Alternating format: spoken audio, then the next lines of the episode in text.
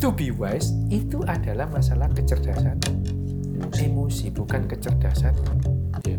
bukan bukan kecerdasan rasional gitu. Kalau kecerdasan rasional kita ngitung hitung hitung hitung, aku untung untungku lebih banyak Iya. begini itu. Jadi yang kita perlukan itu adalah bagaimana rasionalitas kita tidak terlalu sering dibajak oleh emosi. Itu yang namanya kecerdasan emosional. Karena tubuh kita itu dirancang untuk selfish memang gitu. Inilah Endgame.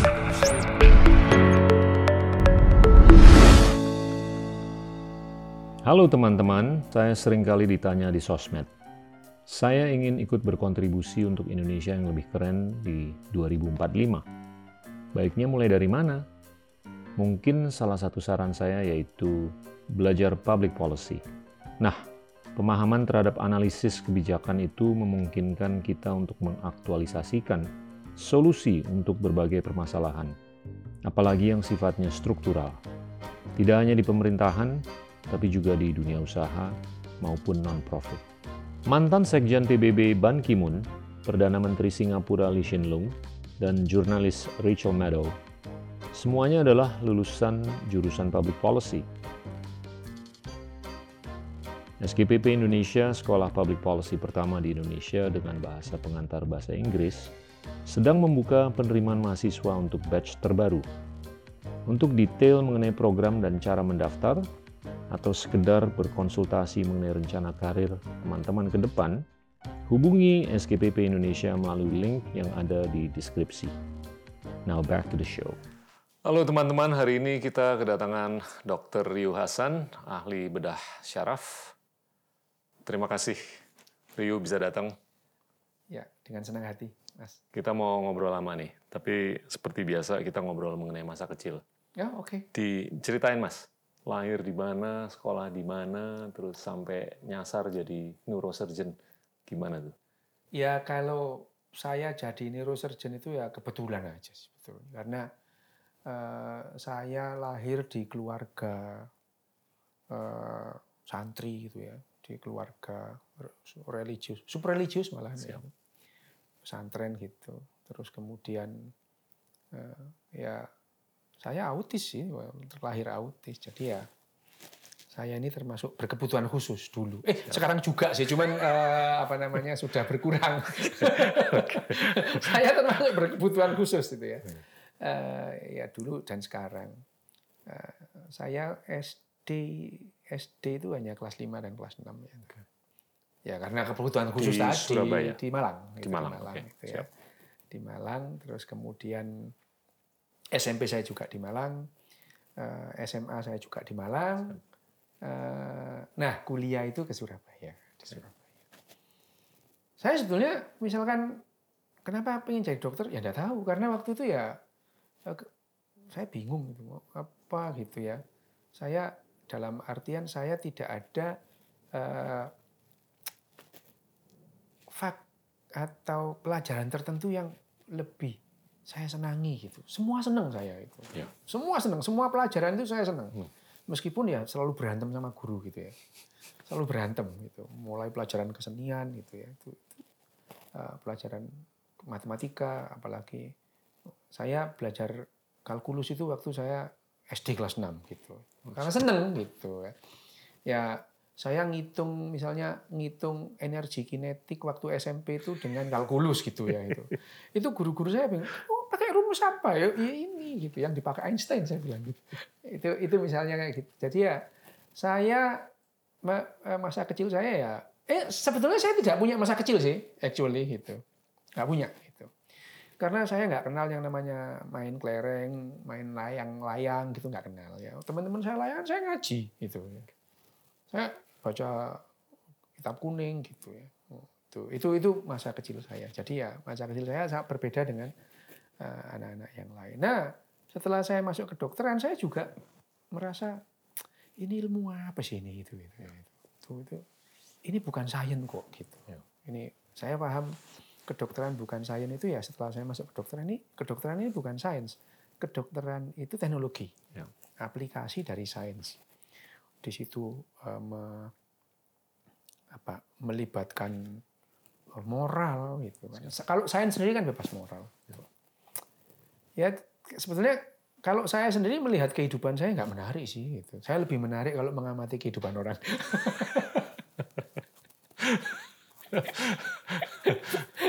ya saya ya saya alergi banyak gitu ya, ya. Yang tidak alergi itu beberapa Ceritain aja. Ya, ya. Kacang kan? wah itu itu makan itu bisa mati saya. Itu itu itu, itu, itu, itu adalah itu adalah alergi yang jarang didapati Ya, pada orang-orang Asia gitu. Kalau orang Eropa banyak lah Banyak. kalau saya. Boleh banyak tuh. ya. ya kalau di sini enggak itu. Nah sehingga sehingga saya kalau makan ya milih-milih. Bukan karena saya sok-sokan enggak. Cuma karena itu itu itu bahaya aja bagi saya itu ya. Dan nah, hobi saya sebetulnya banyak itu tapi hobi yang paling bisa paling banyak misalnya kalau di antara sekian banyak hobi yang yang paling banyak dilakukan apa? Ya baca gitu. Kenapa? Karena saya satu dari kecil nggak bisa tidur nggak bisa tidur gitu. Nggak bisa tidur dari kecil jadi ya saya dulu waktu kecil ngapain ya orang-orang itu tidur semua? Saya nggak bisa gitu. Orang-orang heran saya anak-anak ini kok nggak tidur tidur? Gitu ya. Jadi saya kesulitan berkomunikasi dengan orang itu karena orang melihat saya aneh saya melihat orang aneh gitu. Ya misalnya saya lebih seneng ngomong sama botol atau sama kucing Iya. Tanaman juga. Tanaman daripada ngomong sama orang gitu. sama saya juga. karena bagi saya orang itu menyampaikan hal yang tidak sesungguhnya gitu ya bagi saya semua orang itu pembohong bagi saya. Hmm. waktu dulu itu saya menganggap manner itu doesn't matter. Ya dulu gitu. Ya. waktu saya belum kayak gini saya goblok atau tidak cerdas secara emosi gitu ya. Bagi saya semua orang itu pembohong gitu. Saya paham loh yang sebagai seorang sebagai seorang anak autis dan Savan sindrom saya paham emosi seseorang itu apa yang ada dalam benaknya paham saya tahu persis bapak saya itu benci sama seseorang tapi ngomongnya ayo selamat pagi kan bohong itu gitu bagi saya itu itu adalah kebohongan. Semua orang ngomongnya bohong gitu. Ya, tapi itu tata krama, manner. Manner does matter. Dan manner itu yang membuat kita bisa bekerja sama. Meskipun nggak saling suka. Iya. Ya. Ya, ini saya pahami setelah saya belajar neuroscience gitu. Wow. Bahwa yang namanya manner does matter itu. Jadi menyampaikan yang tidak sesungguhnya itu baik itu. Sementara kita diomongin kan bohong itu jelek, padahal bohong baik itu.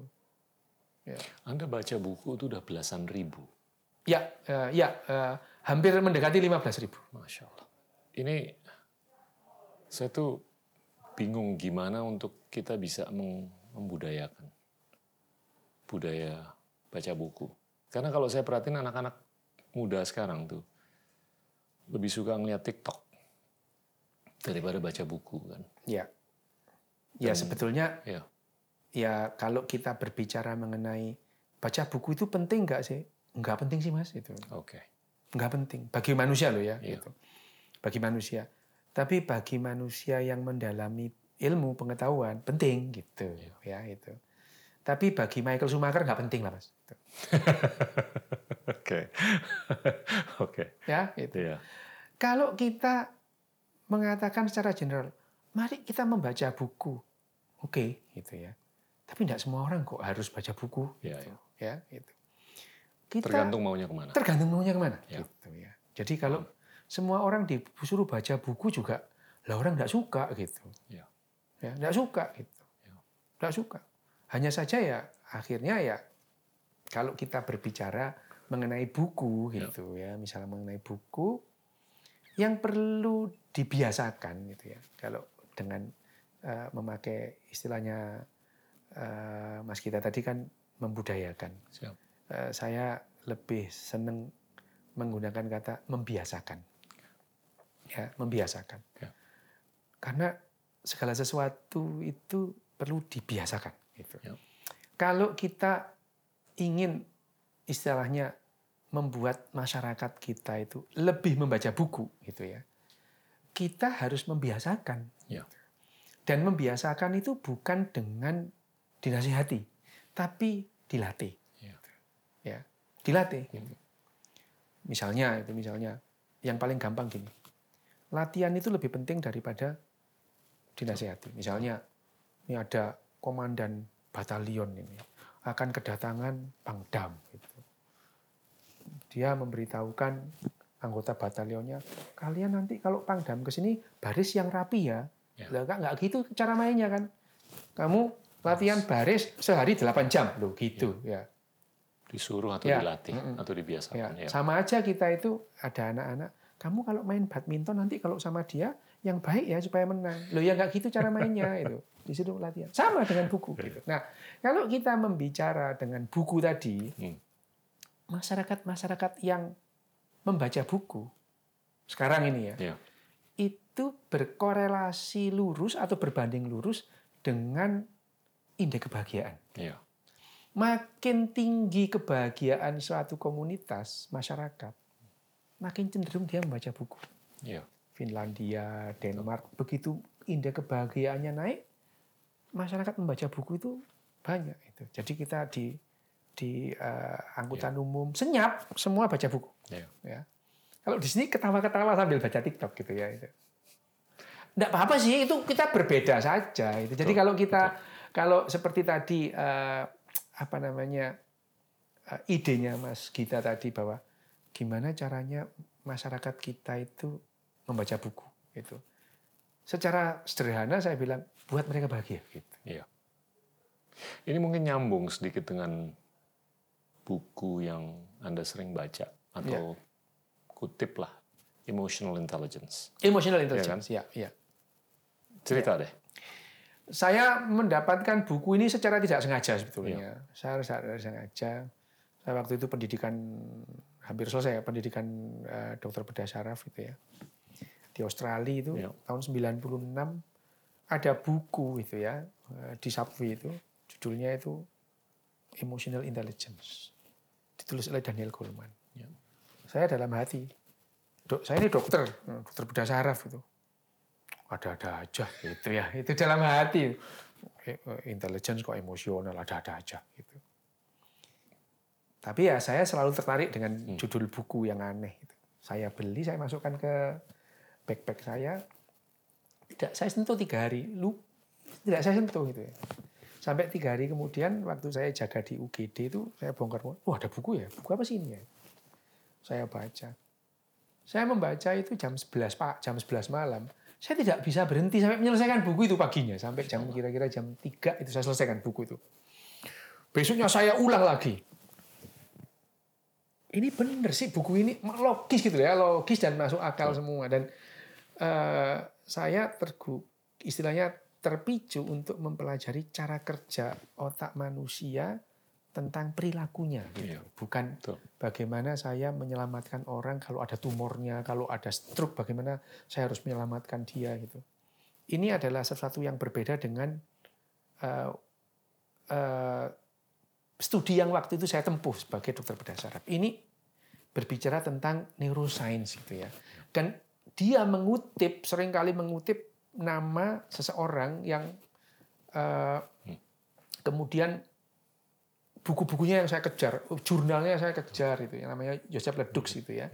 Dan kemudian juga ngelit ke yang namanya eh, Charles Davidson itu ya. Dan itu adalah pelopor-pelopor pelopor-pelopor eh, neuroscience itu. Ya. Ya, itu saya kejar semua dan akhirnya saya menentukan ya udah deh saya belajar neuroscience juga gitu ya. Ya. Nah, dari buku eh, Daniel Goleman itu bahwa yang namanya emosi itu itu mengambil peran penting gitu Betul. ya dalam kehidupan ini. Ya. 99% kehidupan kita itu drive by emotion. Emosi.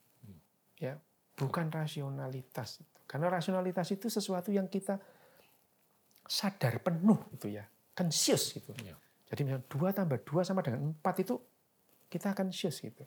Tapi kita makan itu nggak perlu conscious itu. Masa kita kita mikir saya nanti akan mengunyah 27 kali. Satu, dua, nggak begitu cara mainnya ya. Seperti kalau saya tadi ke sini gitu ya. Misalkan keluar terus kemudian naik mobil, terus kemudian ingat ini tanggal ganjil mobil saya genap, itu otomatis saya menunjukkan terus saya jalan itu itu nggak mikir sudah itu itu eh, di drive atau di uh, dijalankan oleh emosi saya, bukan ya. rasionalitas saya. Bahwa keputusan saya naik taksi itu ya. itu adalah keputusan rasional. Tapi begitu saya mematikan mesin mobil keluar itu semua di drive oleh otak emosi saya. Nah, ya. uh, peran peran emosi yang besar di sini itu menentukan seseorang itu cerdas atau tidak secara emosi gitu. Nah, misalnya kalau kita melihat ada orang yang enak didengar ngomongnya ya. gitu ya, itu enak didengar, tidak terus kemudian memancing emosi gitu. Itu cerdas secara emosi sebetulnya dia itu. Hmm. Membuat orang lain itu nyaman dengan dia gitu ya. Orang yang bahagia dan membuat orang lain bahagia itu juga dia cerdas ya. secara emosi gitu ya. Hmm. Kalau kecerdasan sendiri, kalau kita melihat kecerdasan itu apa? Kecerdasan itu adalah bagaimana individu bisa mempertahankan hidupnya selama yang dimungkinkan. Itu cerdas itu. Ya. Jadi kecerdasan kecoa ya memang berbeda dengan kecerdasan manusia. Tapi kalau kecerdasan itu apa? Bagaimana seekor kecoa itu bisa mempertahankan hidupnya selama yang dimungkinkan. Gitu. Itu kecerdasan individu. Hmm. Tapi kalau kecerdasan spesies, bagaimana spesies itu bisa ber, Eh, bertahan selama mungkin dalam panggung kehidupan gitu ya. Misalnya kalau kecerdasan Homo sapien ini kalau dibandingkan dengan Homo erectus masih belum ada apa-apanya. Mereka 2 juta tahun bertahan gitu. Tetapi secara individual manusia kecerdasannya meningkat gitu. Kalau dibandingkan misalkan 120 tahun yang lalu ya, tahun 1900.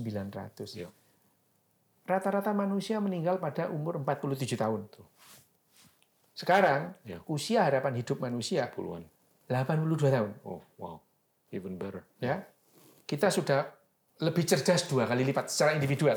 Meskipun kecerdasan ini lebih dikarenakan kecerdasan komunitif ya, kecerdasan kumulatif atau kecerdasan terdistribusi hmm. atau kecerdasan bergerombol gitu ya. ya. Mas kita ini sekarang usia sekarang seperti ini masih seger itu karena kecerdasan kita bersama gitu ya. ya. Kita memahami cara hidup yang lebih sehat. Kalau kemudian kita ada penyakit kita itu bagaimana cara mengatasinya ya. sehingga usia harapan hidup manusia itu meningkat tajam ya. dalam waktu 50 tahun terakhir ini. Secara individual manusia makin cerdas. Tapi secara spesies nanti dulu. Secara yang membuktikan ya. nanti. Itu kecerdasan. Ya. Nah, makin cerdas secara emosional, ya. ternyata membuat hidup kita lebih berkualitas, ya. gitu ya. Karena makin cerdas kita secara emosi, makin bahagia kita. Makin bahagia kita, kita makin rasional. Ya. Jadi kalau dalam bukunya Goldman itu dia membahasakan bagaimana emosi itu terlalu sering membajak rasionalitas kita. Gitu. Nah pada saat porsi rasionalitas kita itu diberi porsi yang agak lebih yeah. besar sedikit, itu membuat hidup kita lebih berkualitas. Gitu. Yeah. Nah karena hidup kita lebih berkualitas, uh, achievementnya juga lebih berkualitas. Dan yeah. itu yang membuat masyarakat-masyarakat yang bahagia itu mereka lebih produktif itu. Meskipun kelihatannya lebih santai itu. Santai, orang Prancis itu jam 5 duduk-duduk. Mereka ini kerjanya apa sih ya itu ya? Jam 5 sore duduk, malam di bistro, minum-minum, makan gitu. Kalau mereka lebih sejahtera ya mereka mukanya bahagia semua gitu. Itu yang yang yang ada dalam Daniel Goleman. Jadi yang ya. disebut Daniel Goleman itu dalam waktu pendek itu mengubah arah perhatian saya terhadap dunia itu gimana supaya kita bisa memupuk kapasitas komunitas oh, untuk iya. bisa membuahkan kepemimpinan yang kaya dengan emotional intelligence, tapi juga kognitifnya juga jalan. Uh, persoalannya memang masalah kognitif sih, mas. Iya. Persoalannya itu karena kognisi manusia itu yang berkembang atau berubah dengan cepat. Yeah. Sementara otak kita belum berevolusi gitu. Yeah. Ya, belum berevolusi. Yeah. Otak kita sama persis dengan otak nenek moyang kita 200 tahun yang lalu, sama yeah. persis gitu. Yeah. Cara bekerjanya juga sama persis gitu. Yeah. Sehingga kalau diberi stimulus tertentu akan memberikan respon yang seragam. Ya. Sama persis dengan nenek moyang kita 100 tahun yang lalu. Pengetahuan ini sekarang penting gitu.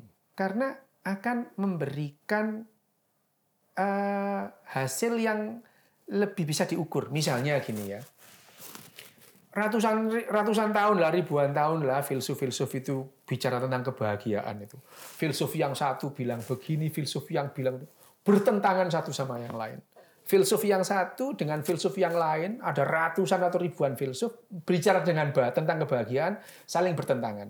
Kalau ada ribuan atau ratusan atau puluhan aja, Hmm. saling bertentangan, nggak mungkin dong semuanya benar, yang mungkin semuanya salah. Ya itu. Nah, kita memahami kebahagiaan ini sekarang secara biologi. Apa itu bahagia gitu ya? Dan sejak tahun 96 kita sudah mulai paham sih yang yang namanya happiness itu apa gitu. Nah, sejalan dengan pertanyaannya Mas kita tadi, bagaimana kita mengikat kelompok itu Iya. yang tentang narasi tadi. Narasi memang yang bisa mengikat kita lebih banyak gitu, ya. Secara biologi Ya. kita tidak dirancang untuk kerjasama. Secara biologi kita dirancang untuk berkompetisi. Gitu. Tetapi karena manusia itu akhirnya menemukan cara bahwa kerjasama itu bisa membuahkan sesuatu yang lebih Iya. Produktif. produktif bagi manusia gitu. Akhirnya manusia merancang atau kognisi manusia tentang kerjasama itu berkembang gitu ya.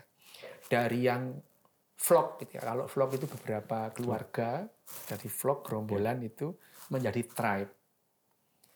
Ikatan dalam tribe itu tentu menggunakan narasi gitu. Karena begitu ada tribe itu tidak ada lagi egalitarianisme itu tidak Iya. ada itu. Pada saat ada Piramid. Nah, ada ada piramid, ada hierarki di situ. Siap. Melahirkan elit-elit pemalas. Iya. Gitu. I- i- i- ini yang membuat dunia berkembang memang gitu. Loh, konsekuensi harus yang kita terima. Kalau kita mau punya peradaban, ya kita harus menerima ada elit-elit pemalas, harus gitu. Iya. Kalau enggak enggak mungkin ya. Kita mau balik ke pemburu pengumpul kan enggak mungkin ya. Nah,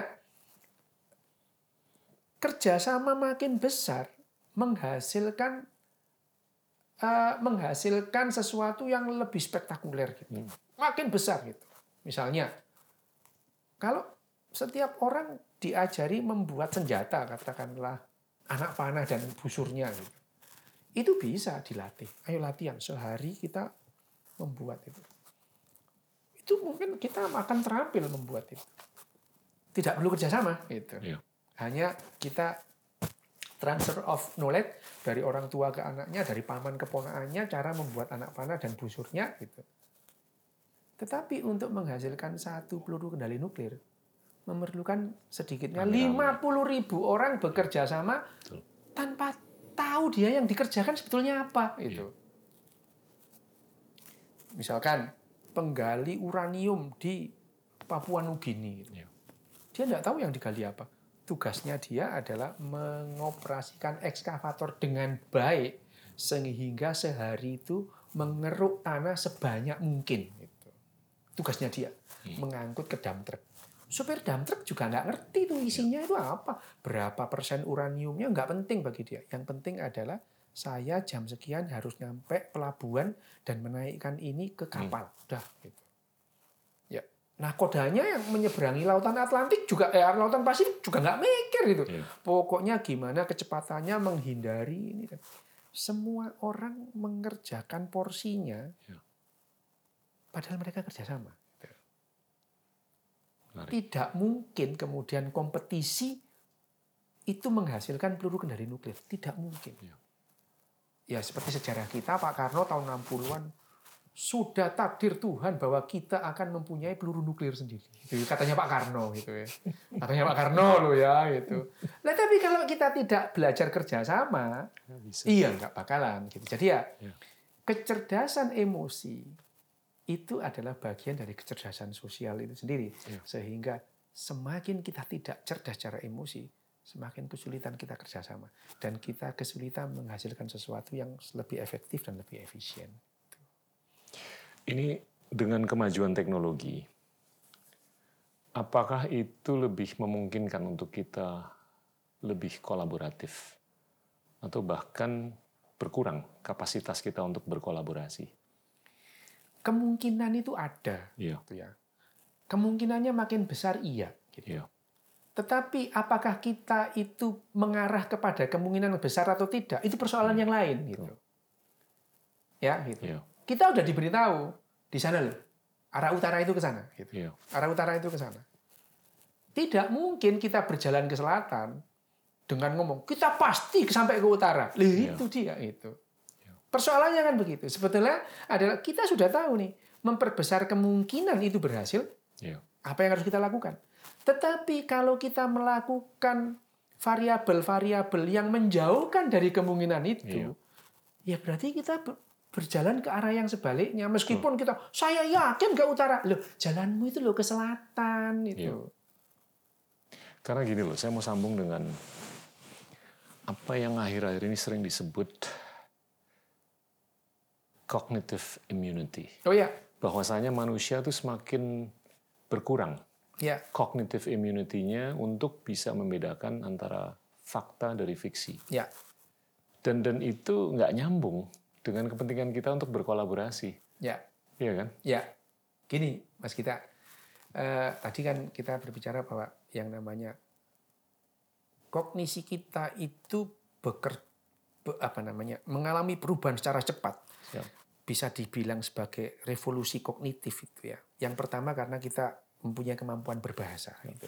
Tadi yang disebutkan yang saya sebut saya menganggap semua orang pembohong dulu itu bahwa yang namanya mm, manner das matter itu adalah hasil revolusi kognitif kita yang pertama.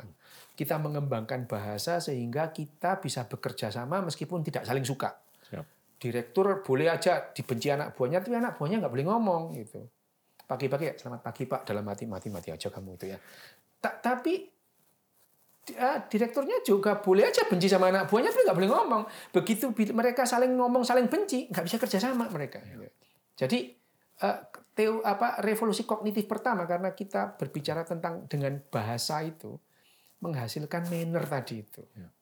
menghasilkan fiksi sih sebetulnya Ya. fiksi gitu. Fiksi itu tidak sesungguhnya. Iya, tapi penting, penting, Penting. gitu. Penting. Penting. Misalnya, Indonesia ini fiksi apa enggak? Fiksi loh. Fiksi. Gitu.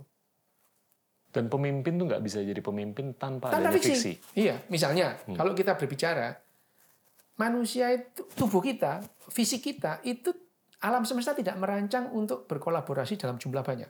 Iya. Kita itu bisa saling akrab Iya. itu 50-an lah. Ya. Ya, akrab itu ya. Bisa saling mengenal itu 150. Kalau kita sekolah dulu satu angkatan itu ada 200 orang, pasti ada yang kita nggak kenal gitu. Ya. Ya. Beda kalau 50 atau 30, makanya peleton itu paling banyak 30. Karena akrab itu. Ya, akrab itu. Akrab. Komandan peleton itu adalah raja di kelompoknya. Masing-masing orang paham dia berantem jagoan, menembak jagoan gitu ya. Tahu persul. Ya. Dia itu komandan peleton itu nggak bisa bohong. Dia itu bisa nembak apa enggak gitu. Tetapi 15 peleton, 20 peleton dari satu kompi, mereka itu nggak kenal pemimpin kompinya itu siapa, dan kinya itu siapa nggak tahu. Ya. Nah, di sini pentingnya fiksi tadi itu. Iya. Komandan peletonnya bilang, ini komandan kompi kita ini kecil, tapi sakti. Lah mulai, Ta- tapi ini penting gitu ya. Ini penting gitu untuk mengikat kelompok ini gitu. Jadi eh, tadi eh, Mas Gita mengatakan eh, cognitive immunity itu ya, bahwa eh, kemampuan kita membedakan fiksi dan Fakta. fakta itu menurun, bukan. Tapi gapnya aja yang melebar. Gapnya melebar. Kenapa? gapnya yang melebar. Orang yang tahu banyak dengan orang yang tahu sedikit. Ini gapnya makin melebar. Karena dulu Oke. pengetahuan itu gapnya kecil gapnya itu. Makin lama gap pengetahuan, ah, bukan gap pengetahuan ya. Antara orang yang tidak paham pengetahuan dengan orang yang sangat paham pengetahuan, itu gapnya makin jauh. Itu. Sehingga kalau dibilang bahwa kita itu kesulitan membedakan fiksi dan dan uh, apa kes, mengalami penurunan dalam membedakan fiksi dan fakta itu tidak benar karena yang ada adalah gapnya aja yang meluas. Iya. Kalau dulu antara fiksi Lebih dan fakta, banyak yang percaya sama hoax daripada ya, fakta. Ya. Dan uh, hoax itu penting sih bagi kita dulu, gitu iya. ya. Ya, hoax itu penting bagi kita dulu. Hoax ini pernah menyelamatkan kehidupan kita, gitu. Iya. Di masanya, gitu iya. ya. Pada saat itu ya, zaman pemburu pengumpul itu kita iya. yang otak kita yang yang yang gemar hoax itu lebih gampang sehidup daripada yang enggak gitu. Sementara sekarang ini mengganggu ikatan kelompok. Nah, makin nah, eh, dari revolusi kognitif pada saat bahasa, kemudian kognisi kita berubah pada saat revolusi agriculture, kemudian pada saat revolusi industri kita juga kognisi kita berubah lagi itu. Yeah. Ya. Bayangin aja. Hierarki kerajaan, raja, yeah. hierarki monarki yang settle selama yeah. 10.000 tahun mendadak runtuh satu persatu aja. Wah, runtuh satu persatu gitu. Yang yang saya mau tarik nih benangnya adalah teknologi ya. semakin pesat. Ya. Kecepatan dan akselerasi kecepatan Betul. inovasinya. Terus fiksi dan fakta ini gapnya semakin gede. Oh iya. Ya kan? Iya. Terus percakapan semakin terpolarisasi. Iya. Kalau percakapan terpolarisasi, lebih sulit untuk kita berkolaborasi. Ya. Iya kan? Jadinya ya. gimana kita bisa mengantisipasi atau berharap bahwasanya produktivitas itu akan terus-menerus meningkat. Ya. Kalau kita balik tadi ke sejarah, ya. bahwa produktivitas kita itu meningkat karena kapasitas kita untuk berkolaborasi. Ya. Poin yang paling penting yang disampaikan adalah secara neuroscience adalah Siap. yang yang yang di, di poin yang terakhir dari Mas Gita tadi polarisasi. Siap. Otak kita nyaman dengan dikotomi. Siap. Otak kita itu nyaman dengan dikotomi. Sangat tidak nyaman dengan spektrum. Ya. Padahal sebenarnya kehidupan ini spektrum, bukan dikotomi. Ya. ya. Seperti sampai sekarang kalau ditanya, ada berapa jenis kelamin? Kita nggak katakan dua itu. Faktanya nggak dua itu. Ya. Banyak. Itu. Ya. ya, faktanya banyak. Jenis kelamin itu nggak laki-laki, nggak perempuan, banyak itu. Jadi kalau kita selalu senang dengan dikotomi sehingga uh, bagi kita gap itu menyenangkan gitu. Ya. Otak kita ya ada gap, ada ada ada jurang yang beda antara hitam dan putih Kiri, itu. Kanan. Itu kanan, menyenangkan gitu. Okay. Sementara sementara fiksi tadi itu itu menyisipkan satu di antara dua dikotomi. Ya. Sebetulnya. Dan ini menjembatani ketidaknyamanan manusia. Dalam saya saya mencoba menjelaskan lagi ya gini ya. Uh, realita bagi manusia itu, realita ya. itu ada yang realita karena kognisi kita, otak kita itu. Ada realita yang namanya realita objektif itu, cangkir, handphone, buku itu, itu realita objektif itu ya. ada barangnya itu. Ada realita yang kedua itu realita subjektif. Realita subjektif itu ya realita tapi subjektif misalnya lapar gitu. lapar itu subjektif semua orang pernah lapar gitu secara biologi pun lapar itu apa bisa dijelaskan gitu ini hasil kerja otak yang demikian hmm. karena keton dibakar lemak dibakar menghasilkan keton eh, keton itu ke otak menghasilkan rasa lapar gitu ya itu ya. ada gitu nyeri, sakit kepala itu ada bisa dijelaskan. Tetapi kalau misalnya Mas Gita datang ke tempat praktek saya bilang, Mas Riu saya ini sakit kepala. Saya nggak tahu loh sampai bohong apa enggak gitu.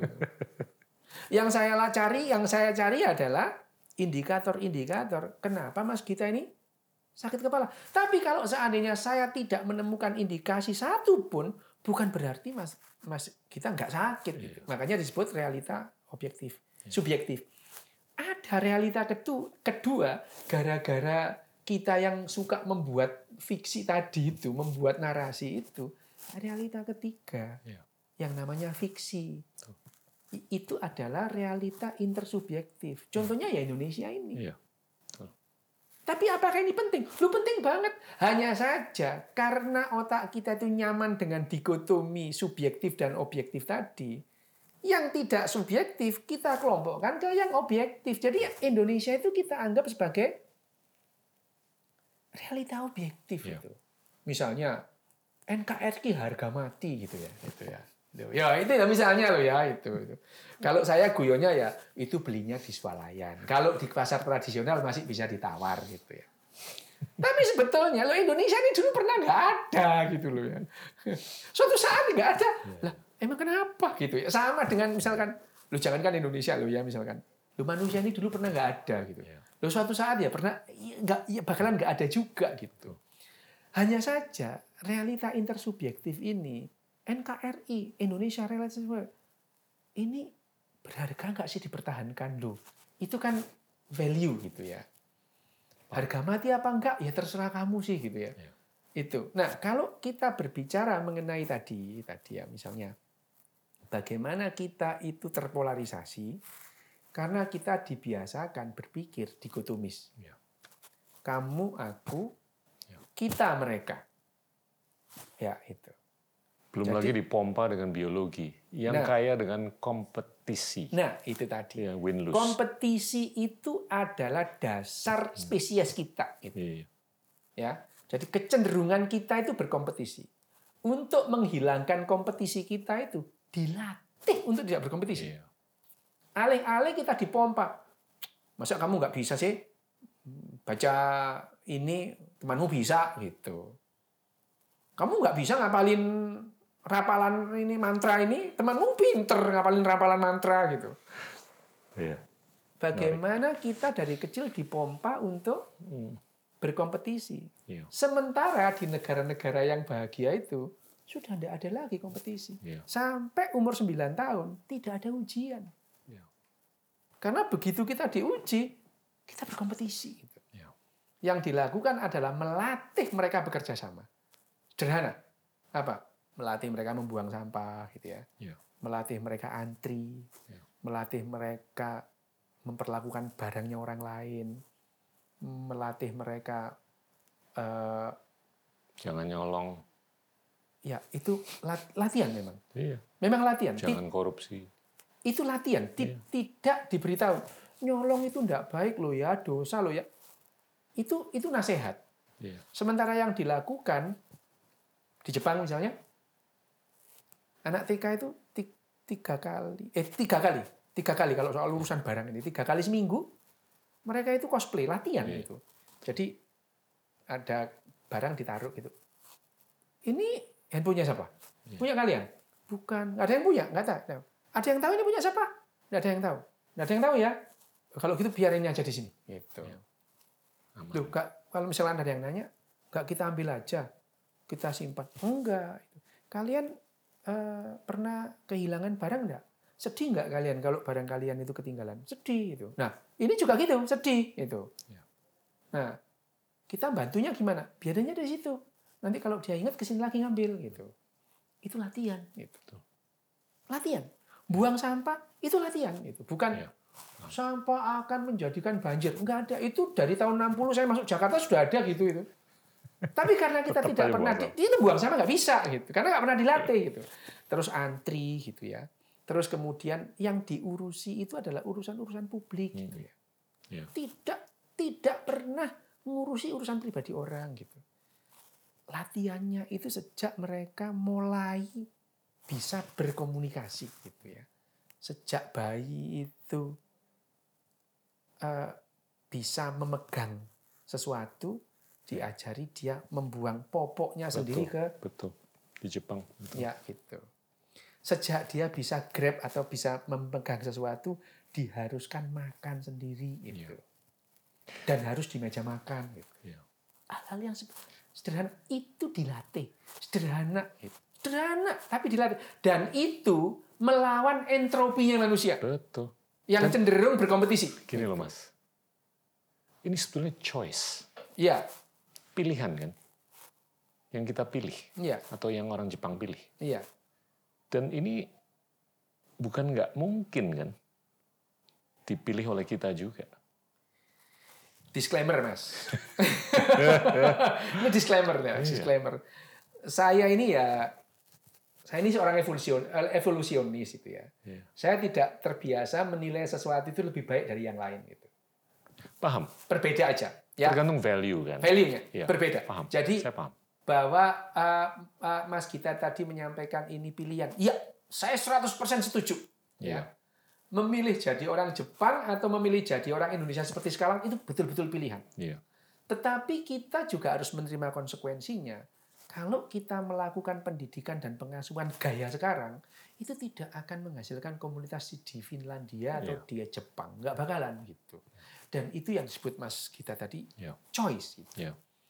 Tapi choice ini kon- konsekuensinya berat, Mas. Iya, iya. Berat itu. Iya. Misalnya, misalnya di Jepang gitu ya. Di Jepang itu dilatih untuk tidak boleh mengomentari urusan pribadinya orang lain. Tidak boleh itu. Tidak boleh. Choice-nya itu bukan secara holistik ngikutin apa yang mereka lakukan, tapi choice-nya itu tergantung nilai hidup kita. Betul, Mas. Ya, betul. Yang Makanya, enak yang mana nih? betul, gini. Kita cherry pick aja. Boleh cherry picking. Hmm. Cherry pick itu boleh. Tetapi ada variabel-variabel yang mutlak. Iya. Misalnya, variabel-variabel mutlak misalnya. Kebahagiaan itu tidak akan bisa dicapai dalam komunitas kalau salah satu orang itu trespassing. Iya. Masuk ke wilayah pribadinya orang lain. Ini adalah variabel utama. Variabel utama masyarakat yang bahagia itu tidak saling resek dalam urusan pribadi, tapi saling peduli dalam urusan sosial. Nah sekarang misalnya ini misalnya misalnya di Jepang, di Jepang itu strict tidak boleh mengganggu ritual atau spiritualitas orang lain, strict tidak boleh. Kamu berspiritualitas fine itu urusanmu, nggak akan bapakmu atau ibumu itu ganggu, terserah. Kamu mau sembahyang ke pohon, beringin pohon cipluan atau pohon cabai, terserah gitu. Tapi kamu nggak boleh komentar orang lain. Aku juga nggak komentari gitu. Latihannya seperti itu. Bahkan seorang misalkan bapak penyembah jembatan gitu, tidak boleh ngajak anaknya, ayo nyembah jembatan, nggak ada gitu. Lo ada loh teman saya itu tiap kali ketemu jembatan sembahyang itu ada gitu. Iya, ya saya biarin aja sih gitu. Tiap kali ketemu jembatan berhenti dia sembahyang gitu. Ya. Dan, dan mereka terbiasa tidak share keyakinan mereka, apalagi menerima share gitu. Pertanyaannya, siap nggak kita gitu? Iya. Kalau nggak siap, ya sudah sih jadi orang Indonesia juga nggak apa-apa gitu. Enggak, ini ini harus didiskursuskan. Oh, iya. Apa yang kita mau pilih, Ya, Iya kan? ya itu itu Yang, yang nyambung dengan nilai kita, bukan yang statis sekarang, tapi Ya. ke depan. ya Yang visioner. Visioner mas. Hmm. Oke visioner. Eh, kalau kita mengambil ini contoh ya, ini Iya. ka- mengambil contoh bahwa ini tidak bisa digeneralisir, iya Siap. setuju. Bahwa ini adalah partikular, iya misalnya. Iya. Eh, kalau kita ke Denmark tahun 80-an, udah kacaunya Denmark Iya. gitu ya. Gitu. Iya. Tapi sekarang teratur bahagia Beda, gitu. beda. Ya. ya. Di negara-negara Nordik di Norwegia gitu ya. Sekarang penjara kosong gitu. Iya. Bahkan yang namanya maksimum security Hmm. prison atau tahanan Hmm. dengan eh, maksimal itu kuncinya yang bawa itu tahanannya gitu. Waktunya keluar dia buka sendiri gitu. Loh, itu Wifi-nya juga lancar. lah itu ajaib loh. Ya maksud saya ajaibnya itu masyarakat Norwegia yang tahun 80 kacaunya seperti ya Iya. sama dengan di sini ya itu. Wah, Ya kita juga bisa ngacu ke Korea lah, tahun 50 Korea. 60-an kan. ya. Itu kan konotasinya males, kotor, Mm, jelek. Cina juga Iya. Tapi sekarang ya itu choice. choice. Saya mau kupas nih, masuk ke tubuh manusia. Boleh. Mari. Kalau kita lihat neuron, ini kan akhir-akhir ini kan udah ada teknologi yang bisa meng re-elektrifikasi neuron kan untuk kepentingan apakah itu terapi ataupun augmentasi. Ya. Bisa nyembuhin manusia dari Alzheimer kayak demensia, Ya. stroke dan lain-lain. Ini ujungnya gimana nih? Dari sisi neurologi ataupun Neurologi. Kalau surgery. kita Ya, ngomong neurologi, neurosurgery Siap. itu kan eh, basicnya kedokteran. ya. Nah, kedokteran ini adalah seperti yang saya sampaikan tadi, kedokteran ini teknologi, bukan sains, gitu ya. Siap. bukan sains. Digunakan untuk kepentingan manusia. Ya. Memang kepentingannya manusia gitu. Untuk kepentingan manusia. Nah, sekarang dengan pengetahuan yang sudah makin maju di bidang artificial intelligence, Siap. kita sudah mereduksi banyak suffer, banyak penderitaan, gitu ya. Misalnya Hmm. eh, penyakit Parkinson, gitu ya. Siap. Kalau kita pasang probe gitu ya, pasang DBS namanya, deep brain stimulation, udah dia nggak perlu obat lagi. Dia udah jalan seperti orang yang tidak Parkinson gitu ya. Muhammad Ali dulu nggak mau aja dioperasi waktu itu karena karena waktu itu DBS masih awal-awal. Masih awal. Hmm. Muhammad Ali itu nggak mau dioperasi. gitu ya. Gitu. Kalau dioperasi mungkin ceritanya beda gitu, ceritanya beda itu.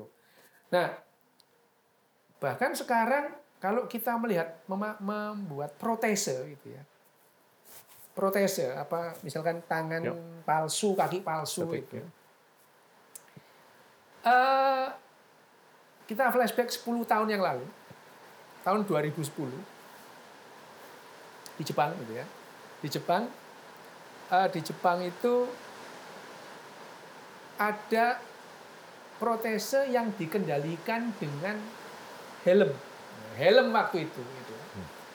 Eh, kita komite itu dihadapkan dengan enam orang. Hanya dua orang yang tubuhnya itu lengkap. Yang lain itu ada yang tangannya itu cuma satu, yang itu. Hanya saja mereka semua memakai eh, pakai eh, training pack gitu ya. Training pack jadi ba- baju olahraga. Kita tidak tahu itu kaki palsu apa enggak. Mereka sepatunya sama dan mereka melakukan gerakan, kita disuruh menilai mana ini orang yang di antara enam orang ini dua orang yang tubuhnya itu asli dari lahir ada. Salah semua loh kita. Jadi gerakan-gerakan ideal Ya.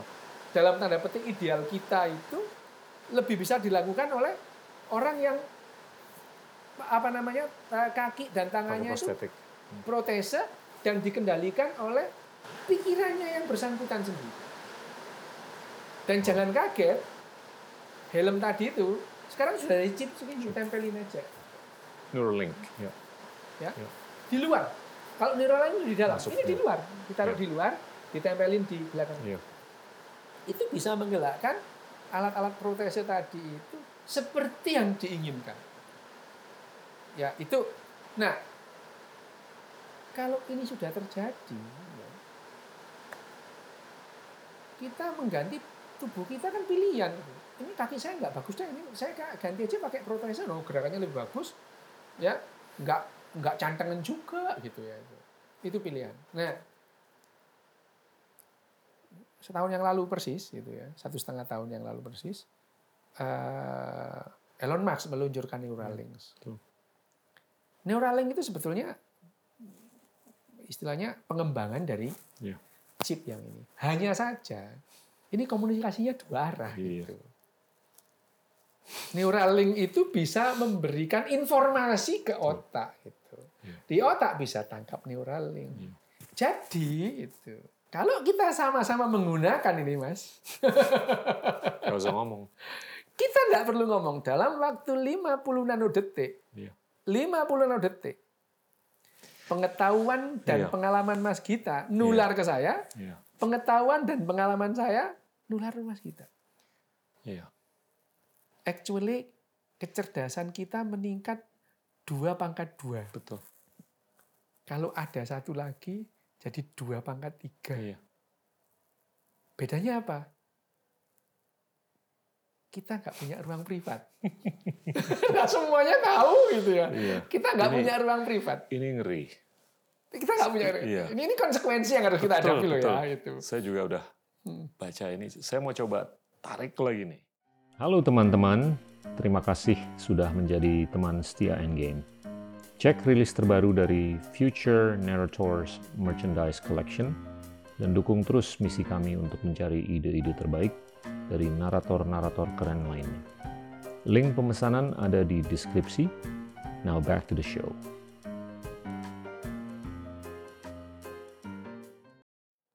Ini kan dalam waktu saya nggak tahu berapa tahun lagi atau puluhan tahun lagi kalau ngikutin perkembangan di astrofisika.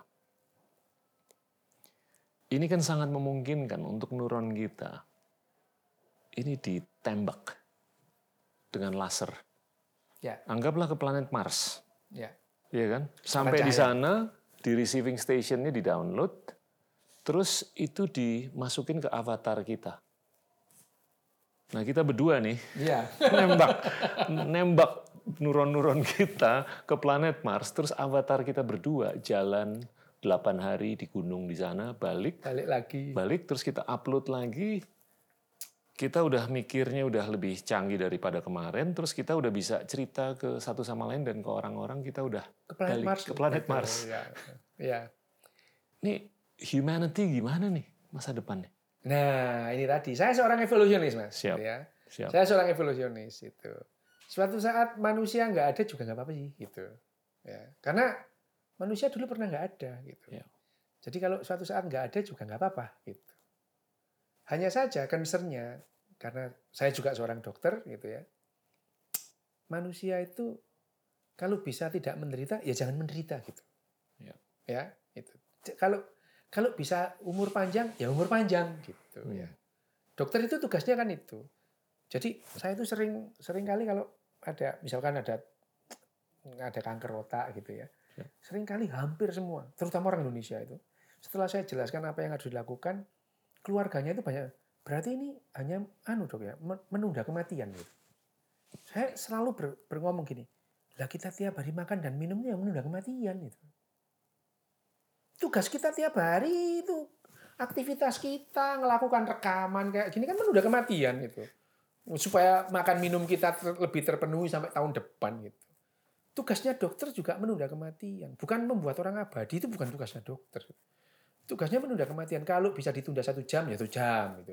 Bisa ditunda satu tahun ya satu tahun. Ditunda 10 tahun ya 10 tahun gitu. Itu tugasnya. Nah dalam hal ini meskipun saya seorang evolusionis gitu ya saya mengambil tempat orang yang hidup itu nggak boleh menderita gitu. Ya. Ya. Sama dengan tadi misalnya. Hmm. Kita concern terhadap misalnya ini nan- nanti bagaimana humanity itu. Lah humanity nggak ada nggak apa-apa asalnya nggak menderita aja gitu. Karena batas human itu apa gitu. Sekarang Mas kita ini sekarang sudah melampaui batasan-batasan kemampuan fisik Mas kita sendiri. Gitu. Minggu yang lalu di Amerika, sekarang udah di sini. Gitu. Itu tidak bisa dilakukan oleh nenek moyang kita 200 tahun yang lalu. Gitu. Ya, Human, hello, apa? Orang kita naik pesawat kok gitu ya itu. Ya gitu. Nah, humanity, batasnya di mana humanity itu gitu. Nah, kalau kita berbicara tentang tadi, saya ngeri.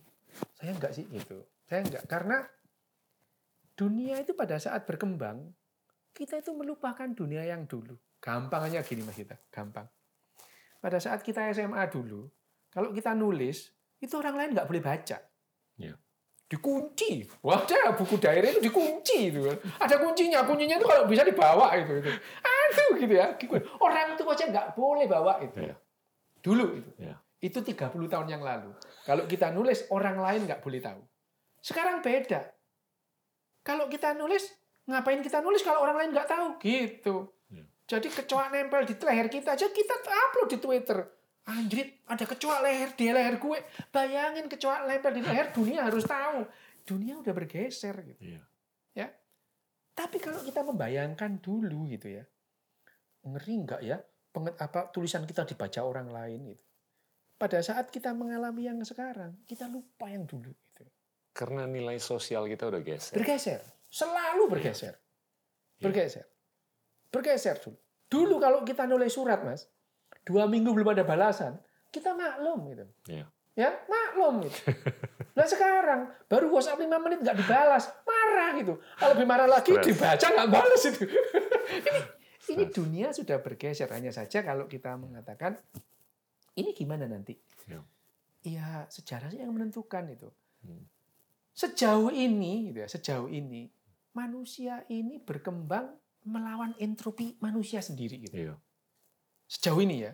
Iya. Kecenderungan ketidakteraturan manusia itu kita lawan sendiri Iya. dengan berbagai macam penget, apa apa namanya eh, eh, penemuan yang kita harapkan. Itu ada bukunya Stephen Pinker di situ.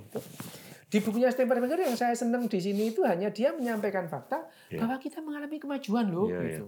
Tapi dia agak-agak utopian. Oh dia utopia memang gitu. Memang Stephen Banker utopia.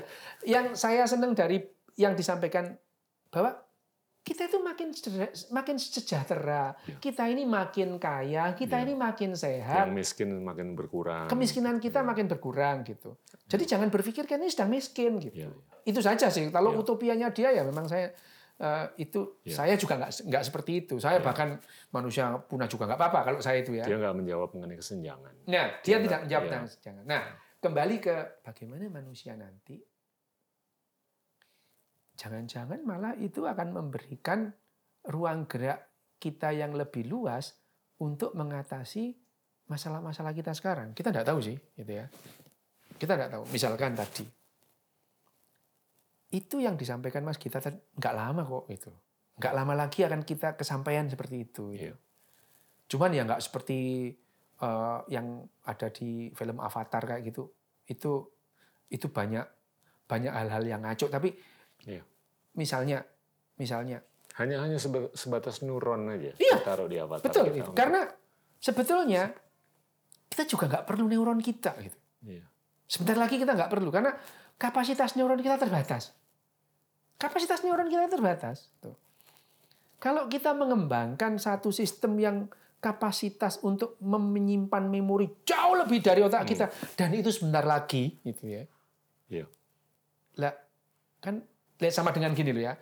Kalau kita selama ini menggunakan kaki kita lari lebih cepat itu terus kemudian kalah dengan sepeda, kita rela kok beli sepeda gitu. ya. Lah kalau kemudian ada sistem yang kapasitasnya bisa menyimpan melebihi 100 miliar neuron kita yang kerjasama ini, kenapa kita nggak ganti itu aja gitu? Ya, ganti gitu aja. Nah, kalau ini yang terjadi gitu ya, kita bisa mengupload apa yang ada dalam otak kita, data dan pengolahan data, data operating system dan aplikasi ribuan yang saling tumpang tindih ke sistem itu, dan kita jadi nggak perlu makan. Mas kita nggak perlu makan. Loh, saya kepingin rasanya soto. Loh, soto rasanya soto itu kan data dan pengolahan data. Download. Jadi Mas kita masih bisa merasakan sotonya Pak Sadi disampai di- dibandingkan dengan soto Makassar gitu. Bisa orang itu cuma data dan pengolahan data. Tapi literally kita nggak perlu mem- kalori dari situ gitu. Kita hanya memerlukan beberapa watt satu bulan gitu Iya. dan kita tetap hidup gitu. Itu kalau saya taruh di dalam misalnya gadget gitu. Tapi kalau itu kemudian saya simpan di cloud, lah Mas kita ada di mana? Mas kita ada di mana-mana. Immortal. Transenden dan immortal. Iya. Nah, pada saat itu untuk pertama kalinya kita punya kesempatan bergerak dengan kecepatan cahaya. Sebelumnya nggak bakalan bisa gitu. Saya penggemar film Star Trek. Saya lebih seneng Star Trek daripada Star Wars itu. Star Trek itu kan ilmiah bagus itu. Star Wars itu kan anu apa namanya? eh, sinetron drama keluarga yang dicanggih-canggihin itu. ini ini penggemar Star Wars bisa marah. Tapi Star Trek ini kan eh Roddenberry ini dari awal itu dia mungkin terobsesi dengan kerjasama. Jadi di Star Trek itu ada orang orang Afrikanya, ada orang Jepangnya, ada orang Inggris, ada orang eh, Soviet gitu Iya. ya. Eh, Amerikanya jelas, ya, kaptennya orang Amerika. Tapi kan Multi. Iya, tapi ini adalah Multikultural. nah multikultural itu di saat di saat dunia itu saling Iya. berseteru tahun 60-an, 70-an Roddenberry ini menggambarkan bagaimana kita kerjasama aja. Tapi kembali ke poinnya tadi, Iya. kalau pada saat untuk pertama kalinya kita punya kesempatan bergerak dengan kecepatan cahaya. Kenapa? Lah kita disimpan di cloud gitu. Iya. Ini ini saya mau coba gimana membayangkan singularity. Ah, Ya kan? Yes. Ini kan interseksi antara Ya. kecerdasan biologis dan inter- dan kecerdasan artifisial. artificial. Itu apakah akan mengkomplikasi masa depan kemanusiaan? Ini kan ada dua Ya. schools of thought Ya, ya. ya. Ada yang dystopian, ada yang utopian. Ya, ya. Stephen Hawking mungkin yang kurang Yang kurang. sepakat. Elon Musk juga kurang sepakat. Ada lagi di sini yang ya suku Mark Zuckerberg dan lain-lain yang ini kayaknya indah sekali nih ke depan. dari sisi pribadi Anda atau sebagai neurosurgeon itu gimana? Kalau saya memandangnya itu ya dunia itu akan biasa-biasa saja sih Mas itu. Oke. Ya, itu. Kita itu tidak lebih heboh daripada dulu kok gitu ya. Oke. Kalau kita membayangkan gimana ya tahun 80 kita bisa janjian di plaza nggak ada handphone itu loh gitu ya. Iya. Nanti kita ketemu ya hari Sabtu jam sekian. Ya ketemu benerin itu. Nah sekarang kita baru nyampe, kamu nyampe mana gitu ya. Kita tidak bisa membayangkan tahun 84 itu, tahun 80 ada ada kehidupan seperti sekarang. Iya. Tapi setelah sekarang itu ya gini-gini aja kok gitu ya. Iya. Nah, perbedaannya adalah mungkin demikian ya. Mungkin begini. Di masa depan kita akan mendapatkan hal-hal yang sangat berbeda dengan sekarang. Iya. Sangat berbeda lah itu. Apa pun semuanya sangat berbeda. Nah, kalau masalahnya apakah ini membuat kita lebih resilient kita sebagai eh, Ya. manusia itu lebih tinggi apa enggak itu ya sejarah yang membuktikan. Hanya saja Hmm. kalau kita mengatakan apakah lebih kompleks? Oh iya jelas, ya. Bahwa kompleksitas kehidupan itu sudah jelas kompleksitas kehidupan itu makin lama makin kompleks gitu. Iya. Ya. Ditambahi lagi dengan kemampuan manusia gitu ya. Membuat kompleksitas yang lain yang bukan berevolusi. Mereka itu kalau dibandingkan dengan evolusi ya satu unit microchip komputer itu itu mereka 10 tahun seperti kita 15 juta tahun bergeraknya itu kemampuan otak kita Ya. jadi kita sudah membuat hal baru yang kompleksitasnya Ya. cenderung mempunyai kemampuan mengalahkan kompleksitas kita bahwa itu adalah eh, sebuah eh, keniscayaan kehidupan iya Iya. karena kehidupan makin lama makin kompleks. Ya. Kehidupan ini alam semesta ini adalah mempunyai kecenderungan tidak teratur. Iya. Ya, alam semesta ini mengarah ke tidak teraturan. Tapi ada satu unit yang melawan entropi ini. Apa? Iya. Kehidupan ini. Betul. Ya, sejak 4 miliar tahun yang lalu sampai sekarang Ya. ini sudah terbukti kehidupan ini melawan entropi gitu ya. 4,6 miliar. 4, ini melawan entropi gitu ya. Jadi kita itu melawan entropi, kita cenderung teratur, bisa membuat keteraturan yang lebih teratur itu. Dan Oke. kita bisa paham bahwa semakin kita kerjasama, semakin teratur kita itu. Paham. Tapi gini loh. Challenge-nya adalah apa kita pasrah aja karena kesadaran mengenai sejarah selama 4,6 miliar bahwasanya kita tuh niscaya selalu memul, apa, mematahkan entropi kan, Entropi itu. kehidupan kita. Tapi yang saya takutin adalah teknologi ini kan kecepatan dan akselerasi kecepatannya meningkat. Iya. Margin of error nih semakin meningkat. Iya, kan? betul. Iya. Ya ini Yuval lah ya. Iya, Terus error semakin meningkat, ya ya kalau menggunakan logika kita nggak bisa terus-menerus tuh mematahkan entropi. Eh, dalam artian kalau kemudian manusia ini sebagai spesies tidak bisa mematahkan entropi Iya. dan manusia punah, lah ya cepat atau lambat manusia akan punah sih. Gitu ya. Ya, jadi kita pasrah aja. Bukan pasrah. Hidup ini kan masalah konsekuensi gitu ya. Bukan pasrah gitu. Oke. Kita bukan pasrah loh. Kalau kita misalnya memilih sesuatu itu bukan pasrah. Kita punya pilihan. Kalau kita milih ini jadinya ini, kalau punya milih ini banyak jadinya ini. Dua-duanya itu tidak ada yang kita itu avoiding. Betul, tapi paradoksnya gini loh Mas. Kita anggaplah udah di sini nih ya. Oke ya. kita tahu udah. ini yang kelihatannya mungkin lebih oke. Tapi kok kita nggak mau ke sana? Eh, jangan lupa kita itu hidup bareng gitu. ya, itu.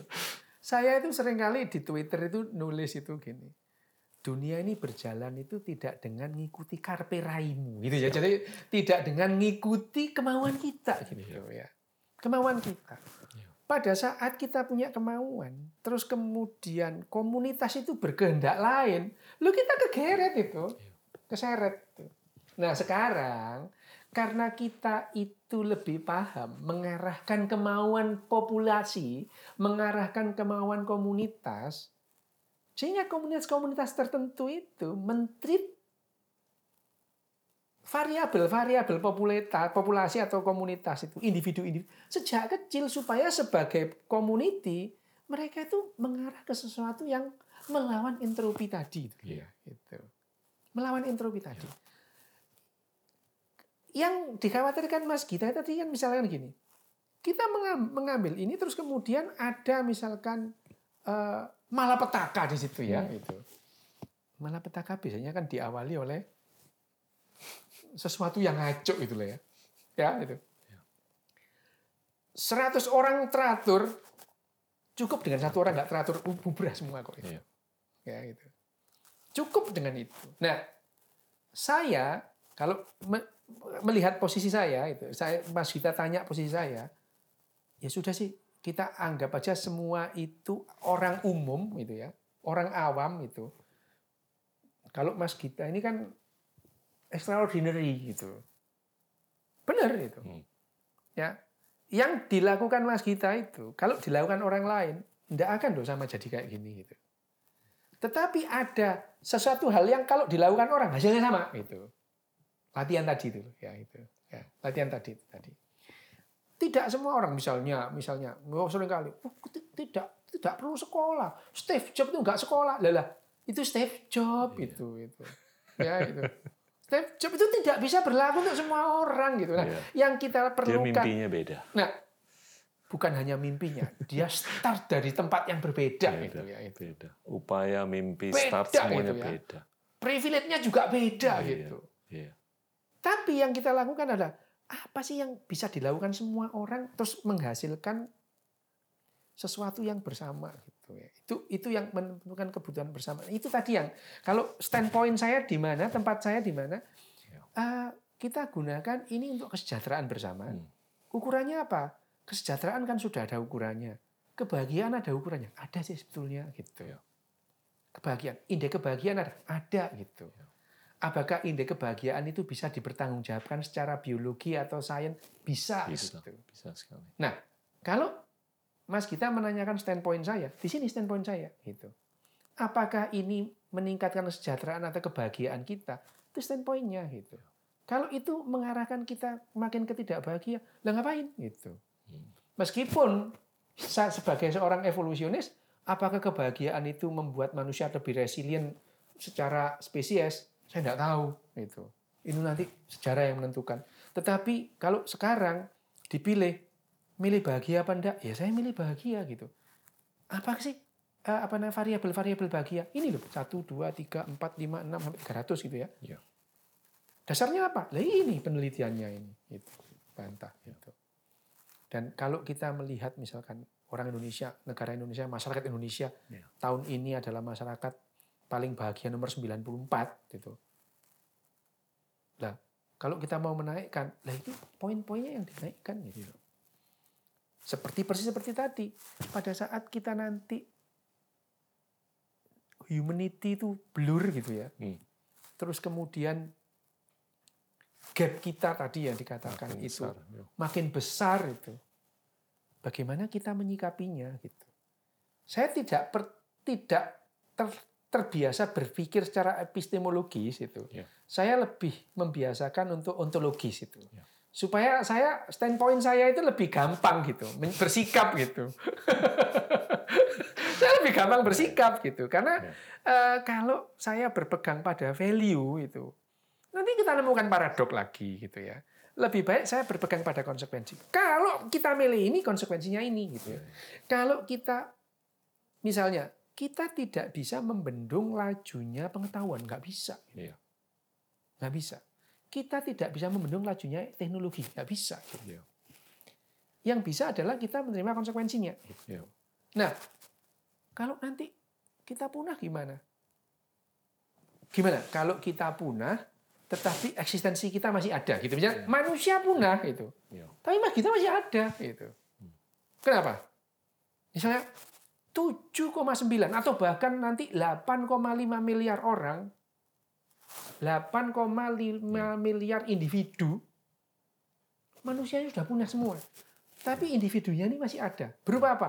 Berupa cloud tadi itu, berupa ya. unit itu. Diparkir di cloud semua. Di cloud, ya. mereka bahagia. Ya. bagi saya itu bisa saya terima gitu. Mereka bikin podcast. Ya, di gitu. cloud-nya. kita ketemuan itu. Mas kita uh, itu la- lagi ada di Mars, saya ada di Mars. Ya, kita podcastan gitu ya. Cek. Tapi saya masih berprasangka bahwa mayoritas manusia itu eksistensialis. Oh iya, Iya kan? memang iya. Bukan eksistensialis. Iya. Iya Iya, kan? setuju. Karena biologi kita dirancang untuk seperti itu. Iya. Jadinya gini loh, semangatnya kalau mereka menyadari untuk mereka tetap bisa eksis Iya. dengan kesadaran bahwasanya gapnya semakin gede, apakah itu kesenjangan kesejahteraan, apakah itu antara hoax dengan fakta, antara yang kaya dengan yang miskin, dan bahwasanya teknologi ini semakin mengekspos manusia ke margin of error yang lebih besar.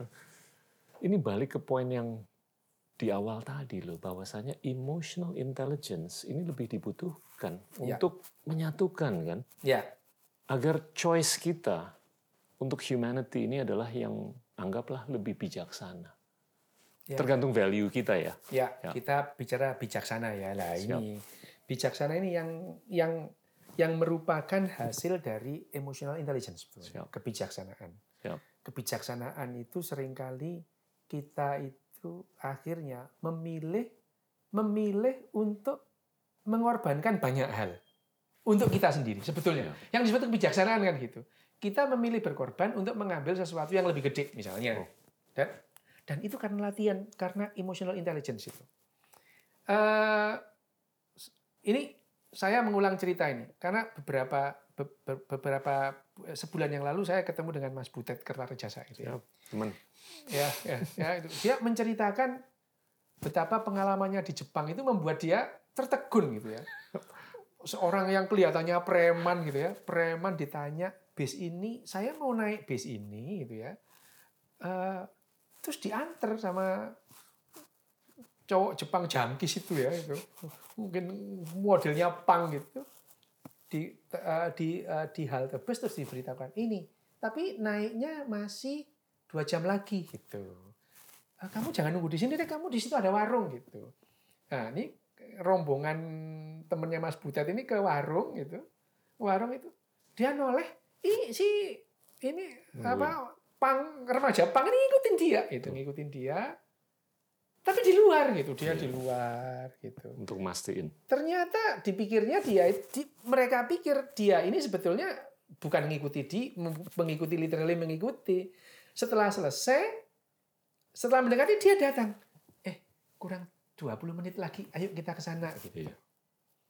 terus sepanjang jalan itu ditanya kamu mau ke kamu mau ke mana saya di di Nagoya. Saya harusnya itu berangkat satu jam yang lalu pakai bis gitu Dan itu nggak unik. Nah unik itu, Itu semua umum. orang kayak gitu gitu. Umum. Semua orang di Jepang melakukan itu dan melakukan itu bukan merupakan keanehan. Iya. Kalau di Bandara Soekarno Hatta mengembalikan duit diberi hadiah. Iya. Mengembalikan duit yang ketinggalan Betul. itu diberikan hadiah. Loh, kalau di sana semua orang melakukan hal itu, itu perbedaannya gitu. Iya. Nah, makanya yang disebut tadi yang Mas Gita tadi mengatakan bagaimana kita memilih to be wise itu Iya. ya. Bukan unwise ya. to be wise itu adalah masalah kecerdasan Emosi. emosi, bukan kecerdasan Iya. bukan bukan kecerdasan rasional Iya. gitu. Kalau kecerdasan rasional kita ngitung hitung hitung hitung, aku untung untungku lebih banyak Iya. begini itu. Jadi yang kita perlukan itu adalah bagaimana rasionalitas kita tidak terlalu sering dibajak oleh emosi. Itu yang namanya itu yang namanya eh, itu yang namanya kecerdasan emosional. Karena tubuh kita itu dirancang untuk selfish memang gitu. Tubuh kita dirancang untuk selfish. Itu. Latihan yang membuat kita itu bisa bekerja sama dalam jumlah yang besar. Seperti tadi itu. Secara tidak langsung anak generasi pang gaya pang Jepang tadi itu dia sudah bekerja sama dengan orang Indonesia ini yang datang ke sana. gitu. Dia karena dia melakukan hal yang biasanya dia lakukan Iya. gitu. Dan dia tidak tidak merasa bahwa itu merugikan dia gitu. Iya. Nah, itu tadi yang kalau kita itu melakukan hal melakukan misalnya variabel-variabel kebahagiaan ya. terutama tadi itu empati tadi Betul. itu yang merupakan variabel utama dari kecerdasan emosi tadi gitu ya bahwa dia itu terus kemudian dia mengakibat menghasilkan community atau komunitas yang bahagia gitu. Ya. Dia jadi lebih produktif gitu ya. Lebih gampang diajak bekerja sama. Ya. Itu yang pada akhirnya meminimais, meminimalkan ya. kemungkinan-kemungkinan jelek dari ya. yang dikhawatirkan Mas Gita tadi. Ya. Dan dan saya bisa bilang itu nggak terjadi dengan Butet aja. Saya juga ngalamin, teman-teman saya juga ngalamin. Banyaklah yang udah ngalamin hal serupa. Saya mau mau coba bungkus dalam konteks teknologi lagi nih. Ini akhir-akhir ini saya sering ngobrol mengenai gimana amplifikasi algoritma hmm. di sosial media. Yeah. Itu mengamplifikasi narasi-narasi itu yang kurang sehat. Iya kan? Iya. Dan kita bisa panjang lebar lah ngobrol mengenai polarisasi percakapan. Tapi ya. yang yang saya mau tarik ke ilmu neurologi dan neurosurgery ini adalah kalau saya lihat data-data mengenai penderita penyakit yang dulu tuh yang paling banyak kan nggak jantung, kanker, tapi yang akhir-akhir ini depresi. Nah ini mungkin bisa dikaitkan atau dikorelasikan dengan bagaimana virtualisasi di platform digital ini mungkin juga membuahkan cognitive dissonance ataupun gap antara apa yang dia lewatin sehari-hari dengan apa yang dia inginkan itu yang bikin ya. seseorang mungkin depresi. Nah ini fixnya gimana nih? Yang pertama depresi itu penyakit lama sih. Saya ya. saya saya depresi mas. Saya saya sejak tahun 86 sampai sekarang depresi. Sampai sekarang. Saya bisa dibilang eh, separuh hidup saya lebih itu eh, berkutat untuk menghadapi depresi saya. Gitu ya. Seperti yang dialami oleh eh, Winston Churchill dan eh, eh, Abraham Lincoln. Ya. Ya.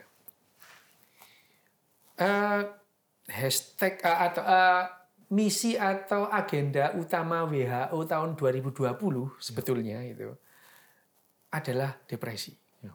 Jadi uh, Desember 19 2019 WHO ya kebetulan saya berkecimpung di sana juga ya uh, kita itu memfokuskan tahun 2020 itu untuk menanggulangi depresi tapi keburu ada pandemi ini jadi ya. porak-poranda hashtagnya adalah let's talk gitu jadi uh, sebetulnya kita udah paham bahwa yang namanya depresi itu satu dari lima orang itu depresi ya. di dunia gitu. 96,8 persen bunuh diri itu karena depresi gitu. hmm.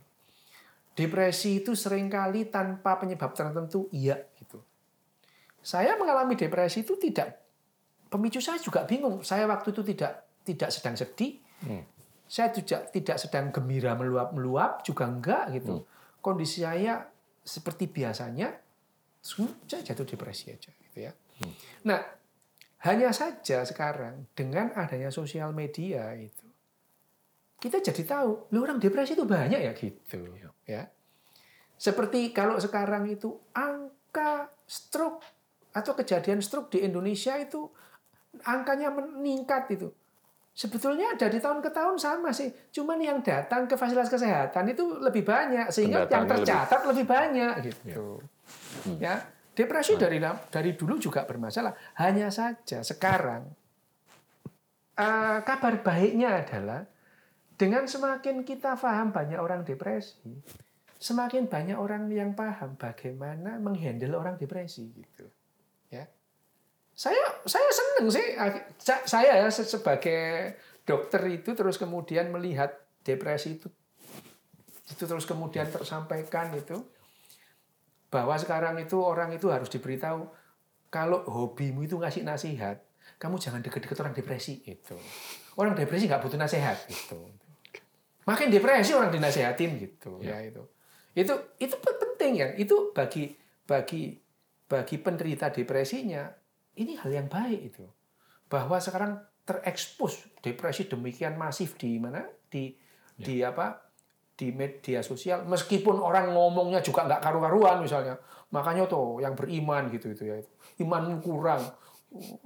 Lempar sepatu nih gitu ya ya lempar sepatu juga nih gitu orang orang depresi kalau digituin makin depresi dia gitu apalagi ya kondisi yang kondisi atau kondisi yang uh, yang bagus itu malah sesuatu hal yang kontraproduktif bagi orang depresi. Misalnya gini ya, saya mas, saya anaknya orang kaya ya itu. Terus kemudian saya masih ke kedokteran, saya nggak kurang apa-apa gitu ya. Saya kok depresi, saya kok sedih itu. Padahal orang ini, itu bagi saya itu itu itu hal yang merugikan itu. Saya, kamu ini, kamu ini kurang apa sih gitu ya? Kekurangan duit juga enggak, kekurangan apa juga enggak itu. Kamu nggak kurang apa? Kenapa kamu itu kok sedih? Loh, ini adalah sebetulnya eh, hal-hal uh, yang kelihatannya mendukung itu malah memberikan kontraproduktif bagi otaknya orang depresi gitu ya. Saya paham ini juga setelah mempelajari neuroscience itu. Kalau dulu ya bingung saya menghadapi ini. Hanya saja sekarang kalau depresi itu kalau kemudian bahwa eh, konten-konten media sosial itu bisa memicu seorang iya. depresi itu jatuh lebih depresi, iya, iya. bisa itu. Iya. Tapi semakin banyak orang lain tahu bagaimana cara memperlakukan orang depresi itu jauh lebih penting gitu ya. Jadi ya meskipun kalau di Indonesia ini kan semua orang jadi ahli semua gitu. Ya itu. Satu orang ya ahli psikologi ahli virus gitu ya itu. Ini di Indonesia ini penduduknya 2 278 juta gitu. Di Indonesia. Yang ahli virus 260 juta ngomongin COVID loh. Kayak ngerti-ngerti ya gitu. Saya pernah itu di iya. grup WhatsApp oh, iya. SMA itu. Oh, iya. Setelah enam bulan saya diem itu. Mereka ngomong COVID-19 saya diem aja itu. Iya. Terakhir ada juga yang nanya, Rio, kamu itu kan dokter kok nggak ngomong sama sekali itu. Terus saya cuma bilang ini, Rek, Rek, kamu seingatku kalian dulu tuh biologi goblok-goblok lu kok sekarang itu jadi ahli virus gimana ceritanya gitu. Ya, ini adalah salah satu yeah. dari tadi, yang tadi itu. informasi yang hmm. informasi yang liar tadi itu iya. sehingga yeah. orang merasa mendapatkan informasi itu sebagai sebuah yeah. sebuah sesuatu yang informasi yang layak di share atau macam-macam yeah. gitu ya hanya saja ya hanya saja uh, tadi yang seperti mas kita di awal tadi bahwa kita itu sekarang itu bukan kesulitan membedakan fakta atau fiksi itu hmm. karena otak kita tidak dirancang untuk itu gitu yeah. Otak kita tidak dirancang untuk membedakan mana yang benar, mana yang salah. Gitu. Otak kita hanya dirancang untuk bagaimana kita bisa hidup lebih lama. Gitu. Ya. ya. Hanya saja pengetahuan ilmiah yang berkembang cepat ini, orang yang tahu ilmu dengan yang nggak tahu itu gapnya oh, iya. jauh jadinya. Ya. Jadi bukan kita kesulitan membedakan fiksi atau enggak, secara otak ya. kita sama gitu. Ya. Hanya saja untuk memperkecil uh, apa? Memperkecil kerugian ya. Yeah. Memperkecil kerugian dari ini itu itu tadi kita kerjasama. Yeah. Nah kerjasama itu membuat kalian tidak usah berkompetisi sejak kecil. Jadi hasrat berkompetisi itu ditekan justru gitu. Yeah. Tidak lagi di di, musuh kamu kalah sih sama itu gitu gitu. Itu yang dilakukan di komunitas-komunitas yang iya. bahagia itu. Itu. Nah, salah satunya yang kalau kita concern tentang yang namanya kecerdasan emosi dalam hal ini itu kerjasama seperti itu, ya kita harus memilih. Iya. Ayo kita cerdas secara emosi. choice. Itu itu pilihan. Saya setuju itu itu pilihan. Itu Dan harus. gini loh, kita hidup di era yang mana informasi jauh lebih banyak daripada pengetahuan. Oh ya, pengetahuan ya. jauh lebih banyak daripada kebijaksanaan. Iya, betul. ya kan? Betul itu. Nah, ini choice ke depannya gimana? Ya. Nah, ini mungkin Ya. Ini di di babak ya, ya. terakhir nih kita selalu ngobrol ya berhayal lah. Ya, ya. Indonesia ya. 2045 gimana nih? Nah, itu. Fixnya gimana nih? Uh, beberapa waktu yang lalu saya diminta mungkin Mas Gita juga tapi Mas Gita nggak sempat gitu. Uh, waktu Lemhanas uh, apa Oh iya saya sempat ya, ngobrol di situ. Ya, waktu uh, mengenai buku 2004 uh, Indonesia di dua tahun 2045 itu Oh iya ya, iya itu itu ya itu. Saya hadirnya di forum itu geopolitik ya, aja, itu, tapi itu, buku itu, itu, itu ya. ada itu. Siap. Waktu itu sebelumnya itu uh, ada buku bu, bukunya bagus Iya, Yang, iya. buku uh, apa namanya bukunya Pak Agus ini. Betul. Ya, saya sempat Agus, diminta ya. itu. Ah, ya. Itu menyongsong Indonesia di bagus, 2045.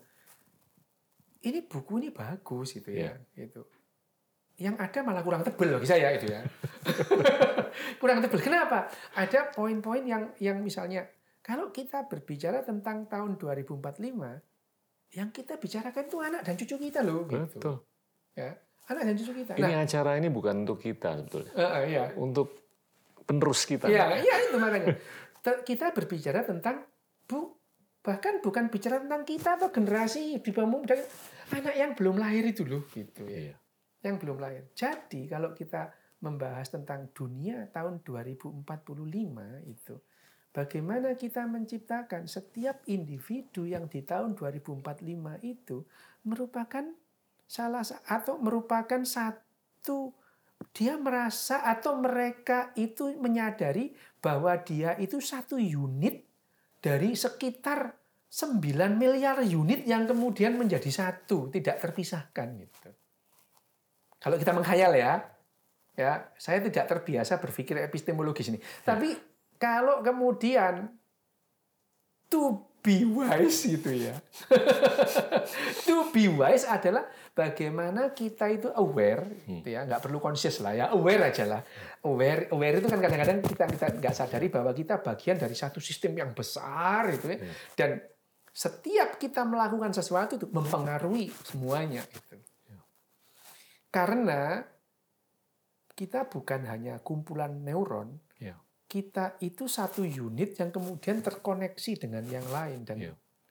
satu diserap itu akan mempengaruhi yang lain. Meskipun ya dalam sistem besar itu kita membuat firewall firewall Iya. gitu ya. Ya kalau bisa kita ada yang di tengah, kalau yang crash itu enggak enggak rusak ya kita memilih di situ gitu. Ini juga pilihan. Jadi ke depannya gimana kita itu to be wise tadi. Saya setuju. Hanya saja wise ini lebih eh, sifatnya lebih ada ada standar moral, moral, moral. Dan itu yang biasa saya hindari sih bicara tentang moral ini. saya menghindari karena ini eh, nilai tersitu banyak. Hanya hanya saja kalau kita berbicara tentang literal, literasi ya literasi. Iya. Ada satu seorang satu orang penulis yang menawarkan menawarkan solusi terhadap eh, banyaknya standar moral gitu. Iya. Siapa Sam Harris gitu. Ya. Waduh, ini bisa Ya. panjang nih. Eh, Sam Harris itu ya. Iya. Sam Harris itu di bukunya yang Iya. saya saya anggap bukunya Sam Harris paling paling bijaksana di antara semua buku itu adalah moral landscape ini. Iya. Moral landscape ini dia Agak Ya. kontroversial tapi. eh, kontroversi. Ya. Hanya saja yang yang disodorkan itu itu pilihan yang terbaik bagi saya karena standar moral itu bisa banyak macam-macam. Iya. Tapi standar moral yang paling universal apa? Ya biologi gitu. Iya. Biologi gitu. Misalkan kalau standar moralnya itu kemanusiaan itu. Sekarang orang ada orang berantem loh gara-gara yang satu makan anjing satu enggak gitu. Jadi mereka itu lebih lebih dibelain berantem sama temennya ya ya belain anjingnya gitu. Jadi lah ini manusia apa manusia itu kok lebih berapa ber, ber- apa, ber- berpihak kepada anjing misalnya. Suatu saat ada ada kalanya nanti barangkali kecambah bukan untuk dimakan itu saudara kita misalnya itu. Nah, untuk untuk meng- eh, mengantisipasi yang seperti ini itu dalam bukunya Sam Harris itu ya kita berpegang pada biologi aja gitu. Mana yang boleh dimakan, mana yang ini biologi gitu. Itu itu kasarnya ya. Jadi eh, saya sih berusaha men- mencoba menghindari kalau berbicara tentang moral, Ya. tapi to be wise atau to be unwise itu Iya. mau tidak mau kita melibatkan morality. Iya. Iya. Mau tidak mau itu Iya. dan morality. Saya pun berusaha menghindari berbicara tentang moral gitu. Iya. Tetapi kehidupan saya ya penuh dengan keterlibatan dalam hal morality gitu. Iya. Nah, eh, supaya kita biasnya tidak jauh, Ini soalnya penasaran, pengen ngomong banyak nih, tapi saya ini jaga. ini ini eh, kalau kita bicara nanti akhirnya saya akan berbicara tentang moral. Bisa liar nih. Ya, di, bisa liar itu. Nah, Iya. sebaiknya ya kita membahas tentang eh, kemungkinan-kemungkinan yang secara eh, Iya. ilmiah itu akan kita hadapi ke depan. Kita hadapi ke depan. Misalnya ya sekarang kita berbicara tentang neuroscience deh, neuro neuroscience. Neuroscience ini kan berkembang liar sekarang gitu ya. Iya. Berkembang liar sekarang. Alih-alih itu digunakan untuk eh, bagaimana manusia itu lebih wise secara politik. Sebaliknya, secara politik ke eh, perilaku perilaku politik gitu ya, eh, Iya. political behavior gitu. Yang namanya neuroscience itu berkontribusi sebaliknya membuat orang itu wise secara politis bukan tidak seperti itu tapi membuat manusia itu semakin tidak bijaksana secara politis. Iya. Dan itu terjadi di negara yang paling demokratis katanya itu Iya. ya. Amerika itu diacak-acak oleh ahli neuroscience itu. Iya. diacak-acak lah itu sampai sekarang itu eh, akhirnya akhirnya akhirnya akhirnya orang-orang ahli-ahli eh, neuroscience di Amerika itu ya ada yang mengurus dada ayo kita membuat eh, roadmap mengembalikan eh, sikap politik Amerika itu kembali seperti sebelum tahun Iya. 2016 itu itu ya sebelum bahkan jauh sebelum sebelum si siapa. Trump Trump ngomong soal yang aneh-aneh itu Iya. ya itu karena mereka menganggap ini Amerika ini kita acak-acak loh gitu ya Iya. nah dan itu merembet ke sini gitu Iya. merembet ke sini nah Ke mana-mana. ya nggak usah jauh-jauh ke Indonesia ya Iya. gitu, ke Indonesia nah sekarang kalau seperti tadi di pembicaraan awal bagaimana kita eh, merekonstruksi gitu ya Iya. merekonstruksi moral Iya. politik ya Iya. behavior politik itu ya ya kita sudah tahu caranya Jadi Sosial kalau- budaya kita sosial juga. budaya Hmm. nah tadi kita berbicara bahwa membudayakan itu definitely adalah membiasakan Membiasakan. Ya. Sepakat. dan membiasakan itu adalah latihan itu. Iya. Kita tidak akan pernah bisa mentaati rambu lalu lintas kalau tidak pernah dilatih untuk taat rambu lalu lintas dari kecil. Ya,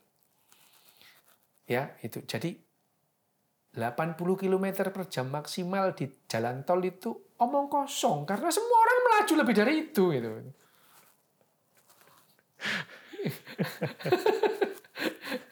Orang Indonesia ini kalau tidak dengan barikade fisik itu Iya. tidak bisa. Bisa. Tanda dilarang masuk tidak berlaku kecuali dikasih beton gitu. Baru Iya. bisa. Ini karena apa? Karena tidak pernah dilatih. gitu. Iya. Jadi membudayakan adalah membiasakan. Membiasakan adalah latihan. Dan itu adalah karakter dari otak kita sebetulnya. Iya. Otak kita tidak terlalu canggih itu. Ya. Pengetahuan ilmiah itu yang membuat kita kayak ya ya oh gitu. Padahal Ya. otak kita itu sederhana. Otak kita tidak dirancang untuk itu semua itu. Ribuan tahun kita tidak tahu bumi ini bulat ya nggak apa-apa kok gitu. Nih, ini yang terakhir nih. Saya saya mau coba kembangkan ini dari bagaimana tubuh kita itu intinya hanya mengenai biologi, kimia dan Oh, fisika lah, ya. ya kan? Ya, Dan kalau kita cakap menjaga keseimbangan, ya.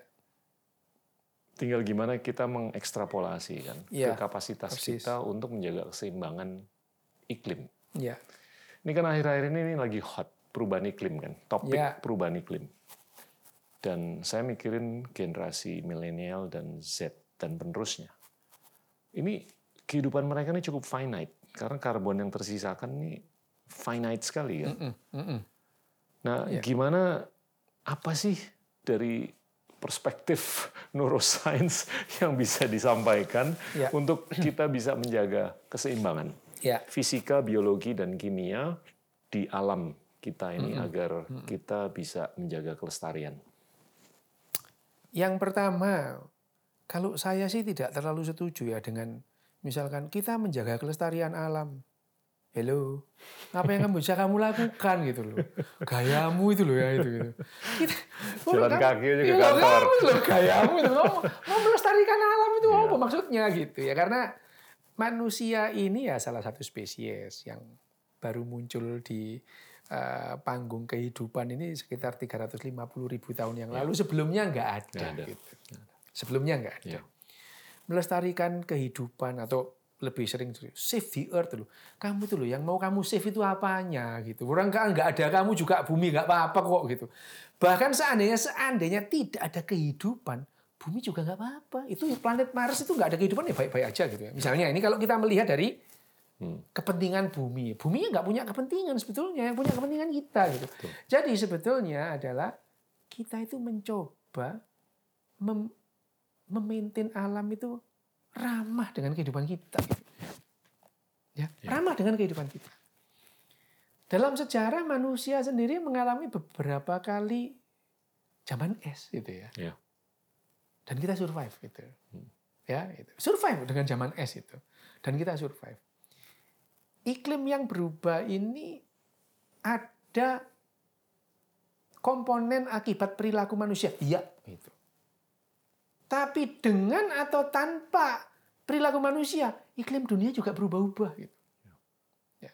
Kepunahan massal yang pertama diakibatkan karena bakteri, ada bakteri yang menghasilkan oksigen lebih banyak daripada ya. biasanya.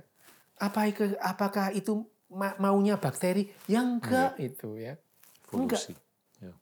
Tapi menjawab pertanyaan Mas Gita tadi yang di akhir, apakah kita bisa? Jawabannya itu definitely bisa. Ya. Bisa. Bisa. Kenapa? Ini ya Mas.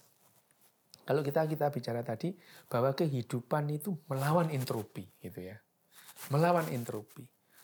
Manusia bisa membuat satu agent bahkan melawan entropi dengan kecepatan yang luar biasa. Membuat kompleksitas yang teratur dengan cepat itu, kompleksitasnya, artificial intelligence, itu bisa. Jadi kalau pertanyaannya, bisakah kita menggunakan itu? Bisa. Dengan apa? Lah ini maka ini loh, itu. Kesempatan kita satu-satunya. Karena kalau kita ya, kalau kita melihat kecepatan alam itu kembali, lama. Kalau misalkan dengan istilahnya orang menyembuhkan alam apanya tuh loh yang sembuh itu yang nggak mungkin sembuh gitu ya itu yang bisa kita lakukan adalah mempercepat ke arah yang kita inginkan itu. Contohnya ya contoh. Di luar panas ya. Kita pengen dingin ini pakai itu kan sebetulnya sama itu pakai AC itu loh gitu. Sebenarnya sama itu lah AC itu apakah tidak cerdas? Cerdas semakin cerdas dia gitu. Nah seperti itu. Kalau kita punya kesempatan itu ya. Kalau secara neuroscience itu ya, secara neuroscience gimana kita itu sekarang bisa menghadapi masalah-masalah yang ada. Fakta yang ada di depan kita adalah sampai sekarang tidak ada otak manusia atau tidak ada manusia yang mengalahkan keakuratan komputer. Komputer apa pun itu. Hmm. Kalkulator misalnya anak yang ikut les mental aritmatika, kamu latihan sehari 8 jam, kamu kalah sama kalkulator gitu. Makanya saya dari dulu itu nggak setuju dengan anak. Itu mau diajari jadi kalkulator gimana gitu.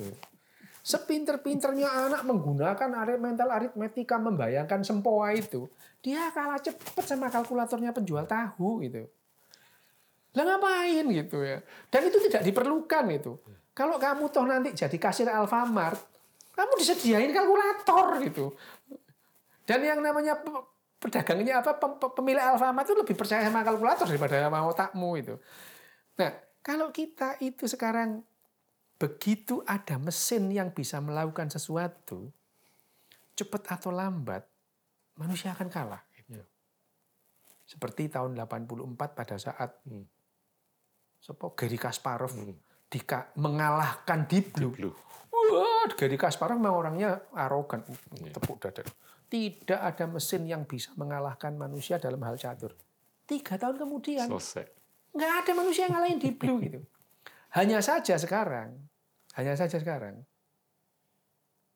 juara catur itu adalah mesin yang disekondani manusia. Tuh. Jadi tidak ada tidak ada artificial intelligence sampai sekarang yang bisa dikalahkan oleh keakuratan manusia. Tapi sebaliknya tidak ada komputer yang bisa mengalahkan wisdomnya manusia tadi. Iya. Jadi yang terbaik adalah bagaimana manusia, otak manusia dengan otaknya, dengan AI itu bekerja sama menghasilkan Iya. sesuatu yang memperbesar kebaikan kita. Iya. Dengan postulat ini postulat lu ya Tuh, masih ya. Setuju. Dengan postulat ini ini adalah kesempatan satu-satunya atau kesempatan yang pak apa potensi atau kemungkinan yang paling besar kita merekonstruksi atau menghadapi perubahan iklim ini sendiri gitu. Iya. Karena kita ng- nggak nyampe lah otak kita kalau apa harus mengkalkulasi seperti ini kalau kita tidak menggunakan nah hanya saja ya seperti tadi itu mesin cat- eh, juara catur yang bagus adalah bagaimana eh, mesin catur disekondani oleh manusia itu. Misalkan Alpha Zero Alpha Zero kalah dengan Deep Blue yang disekondani manusia. Deep Blue kalah oleh Alpha Zero yang disekondani manusia gitu. Nah dalam hal ini ini hanya postulat sih ya. Iya. Eh, Kesempatan kita apakah bisa? Ada itu kita bisa kok mengkalkulasi misalnya ya tadi bahwa tubuh kita ini eh, fisika dan kimia. Iya sih gitu. Dan biologi. Biologi. Jadi kalau di breakdown Iya. tubuh kita ini biologi. Iya. Biologi disusun oleh bahan-bahan kimia. Kalau di breakdown lagi fisika. Iya. Jadi tubuh kita ini adalah bahan-bahan alam yang bekerja sesuai dengan hukum alam. Nggak ada takayul dalam tubuh kita Iya, itu. Nah, sampai di sini aja kita sulit melepaskan bahwa nggak ada takayul dalam tubuh kita. Tidak ada eksistensi lain gitu ya dalam tubuh kita kecuali bahan-bahan alam itu. Sebetulnya ini dosanya Plato sih. dosanya Plato ini eksis- eksistensialisme ini. Ini dosanya Plato. Sehingga sulit manusia itu mengatakan di dirinya itu cuma ada bahan-bahan alam yang bekerja sesuai dengan hukum alam. Iya. Bahkan tidak ada yang namanya apa namanya eh, free will itu nggak ada ada. gitu. Tapi kan Ini berat. semua reaksi kimia dan Nah elektrifikasi. itu hanya saja karena kompleksitas otak kita Hmm. itu itu merespon sesuatu, Iya. merespon keadaan lain itu dengan kecenderungan tertentu gitu. Nah kalau kita lebih paham dan kita sudah misalnya kita lebih paham dan kita me admit ya menyadari atau eh, eh, apa namanya eh, Mengakui. mengakui bahwa kita itu tidak punya itu semua, Iya. sebetulnya kita bisa membuat diri kita lebih bahagia gitu. Kemudian kita hidup lebih nyaman. Kenapa? Lo kita tahu persis loh kalau kita diberi respon reaksi eh, diberi rangsangan begini, respon kita akan begini. Kenapa? Justru karena kita nggak punya free will gitu. Wow. Endgame. Thank you, thank you, Iya. Ryu. Ya. Teman-teman, itulah Dr. Ryu Hasan, ahli bedah syaraf. Terima kasih. Inilah Endgame.